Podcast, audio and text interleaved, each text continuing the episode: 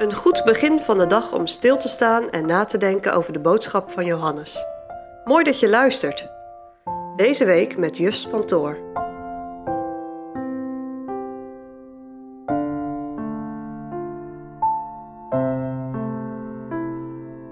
Mooi dat je weer luistert.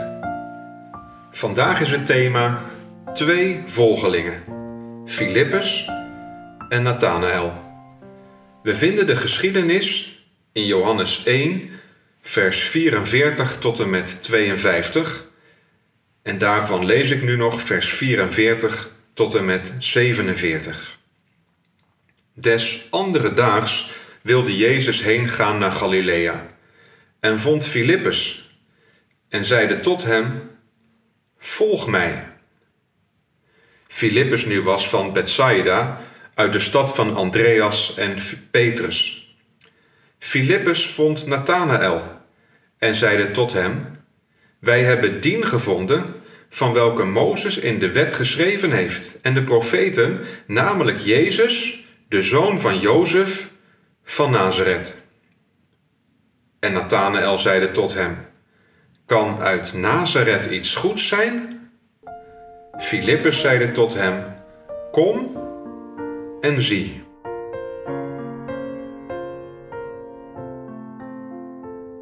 Gisteren zagen we hoe er drie mannen waren die Jezus gingen volgen. Het waren Johannes, Andreas en Simon Petrus. Is het je opgevallen dat ze op verschillende wijzen geroepen waren? Johannes en Andreas gingen op het woord van Johannes de Doper achter de Heer Jezus aan. En Petrus, hij werd door Andreas bij de zaligmaker gebracht. In het Bijbelgedeelte dat we vandaag gelezen hebben, komen we weer een andere manier tegen.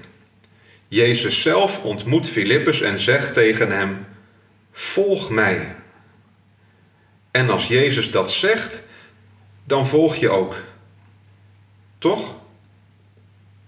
Nathanael wordt net als Simon Petrus door een andere discipel bij Jezus gebracht.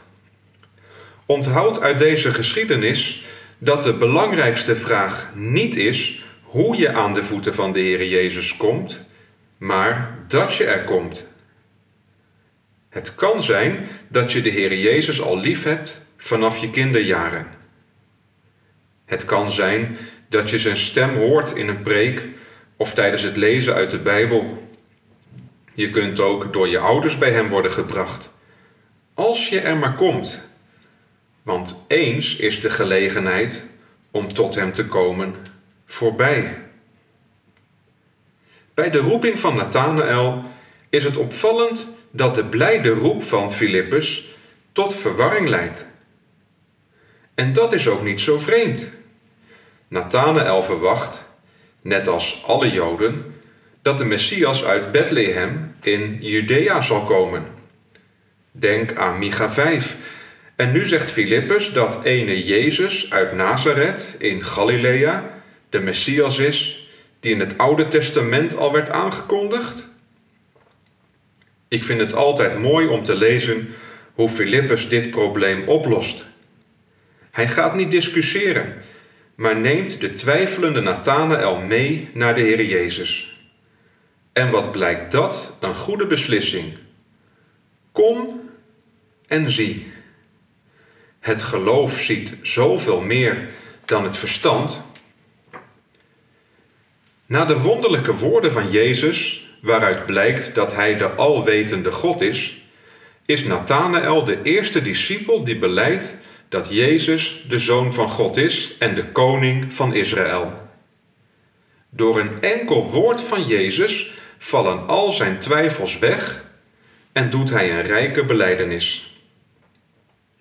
We hebben vandaag en gisteren gehoord hoe twee mensen een bekende van hen tot Jezus brengen.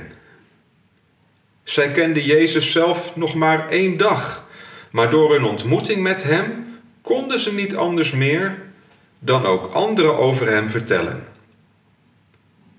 Het is goed om hier eens rustig over na te denken vandaag. Hoe lang is het geleden dat jij voor het eerst van Jezus hoorde En heb je daarna al eens met een ander over hem gesproken? Niet? Hoe komt dat? Zou het kunnen dat je hem zelf eigenlijk nog niet echt kent? Dat je alleen hem kent als over hem gehoord? Vergeet niet dat dat al een grote zegen is trouwens. Velen op deze aarde, ook in ons land, hebben nog nooit van hem gehoord. Ken jij de Heer Jezus nog niet persoonlijk? Vraag dan of Hij ook tot jouw hart spreken wil. Hij heeft beloofd: doden zullen horen de stem van God, en die ze gehoord hebben, zullen leven.